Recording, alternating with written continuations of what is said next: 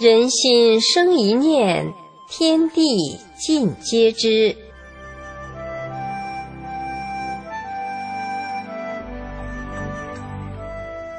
听众朋友您好，欢迎收听明慧广播《善恶一念间》节目。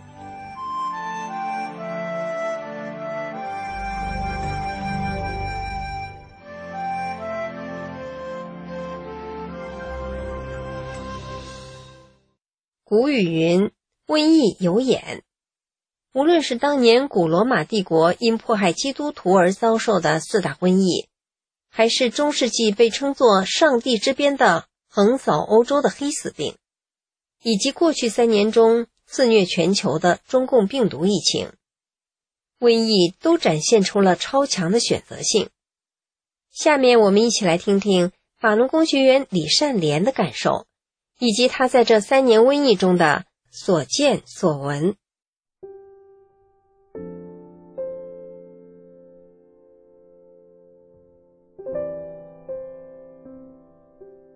善莲说：“中国大陆三年的中共病毒疫情中，人们被中共的极端防疫政策折腾得苦不堪言，生活在水深火热之中。这三年疫情中。”有四亿人惨死在中共病毒之下，特别是在去年中共最邪恶的总代表江泽民死后，中共邪党为这个迫害法轮功的元凶，在全国各个角落不落的降半旗，让人们为这个十恶不赦的罪犯默哀之后，招致又一波的天成，大瘟疫横扫中国大陆。那时。善莲所在的小县城顿时陷入一片哀愁之中，几乎家家闭户，一家一家的羊，大街上绝无仅有的安静，而医院却是人满为患，殡仪馆里浓烟冲天。听说外地的尸体也来到了本地排队等候，焚烧一具尸体的费用让人瞠目结舌，棺材铺里空前的繁忙。价格飞涨，也供不应求。善莲丈夫的高中同学及单位同事中，就有十个老人去世，他们局长就失去两位老人。那两个月，善莲和丈夫光随礼就两千多元。年前，丈夫去看望他的舅母，谈到这波瘟疫时，舅母说，他们村庄去年一冬就有二十多人离世。往年最多也就死三四个人。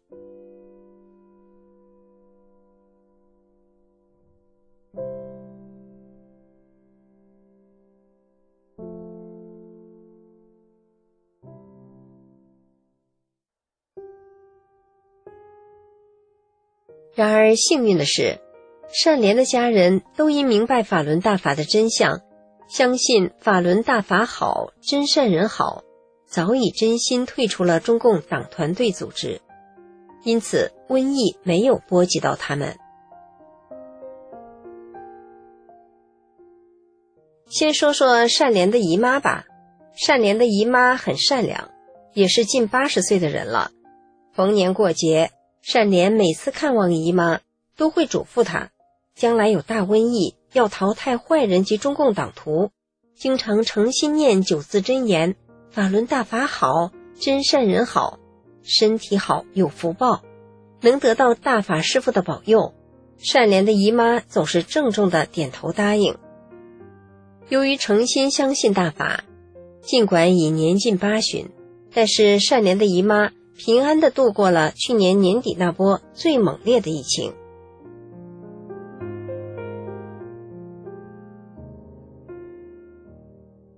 再来说说善莲的哥哥和侄子。善莲的哥哥今年七十岁了，他很早就明白大法真相，退出了邪党组织。善莲相信哥哥是位和大法有缘的人。善莲的妈妈曾告诉善莲，有一次善莲的哥哥去看望爸妈，晚上妈妈带着善莲的哥哥出去贴大法标语不干胶。当善莲的哥哥把标语贴好后，黑暗中，大法标语放光了，哥哥很惊奇。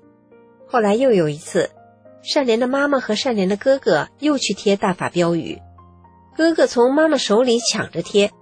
哥哥知道这是在做最正最好的事，所以抢着干。善莲的哥哥人很善良，善莲每次见到他都叮嘱他承念法轮大法好，真善人好，所以哥哥能在疫情中平安无事。善莲相信这是法轮大法的师傅保护的结果。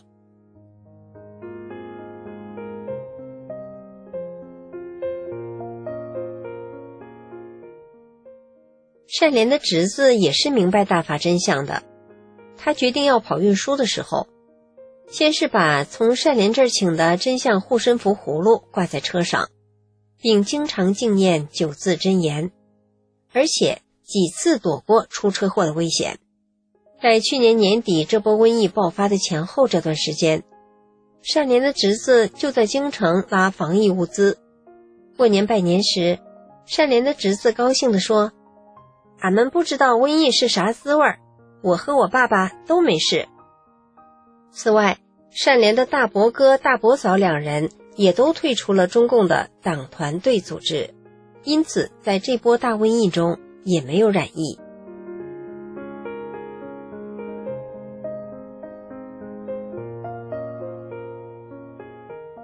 总之，在这三年的瘟疫中，善莲的亲人们都平安的走过来了。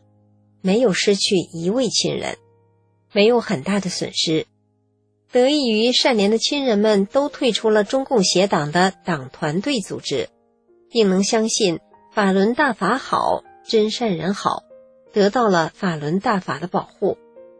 为此，善莲发自内心替亲人们感谢慈悲伟大的法轮大法师父。善莲发自内心希望可贵善良的中国人。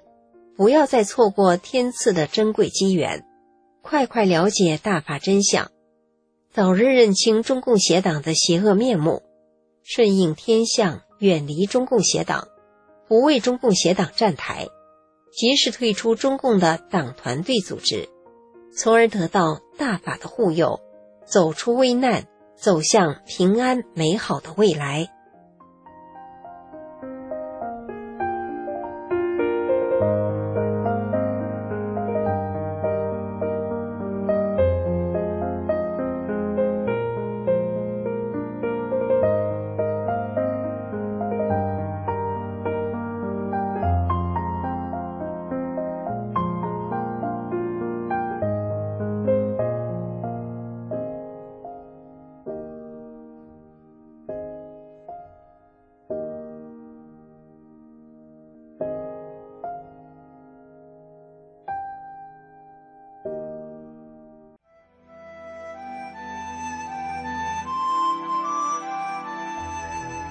听众朋友，今天的善恶一念间就到这里，感谢您的收听。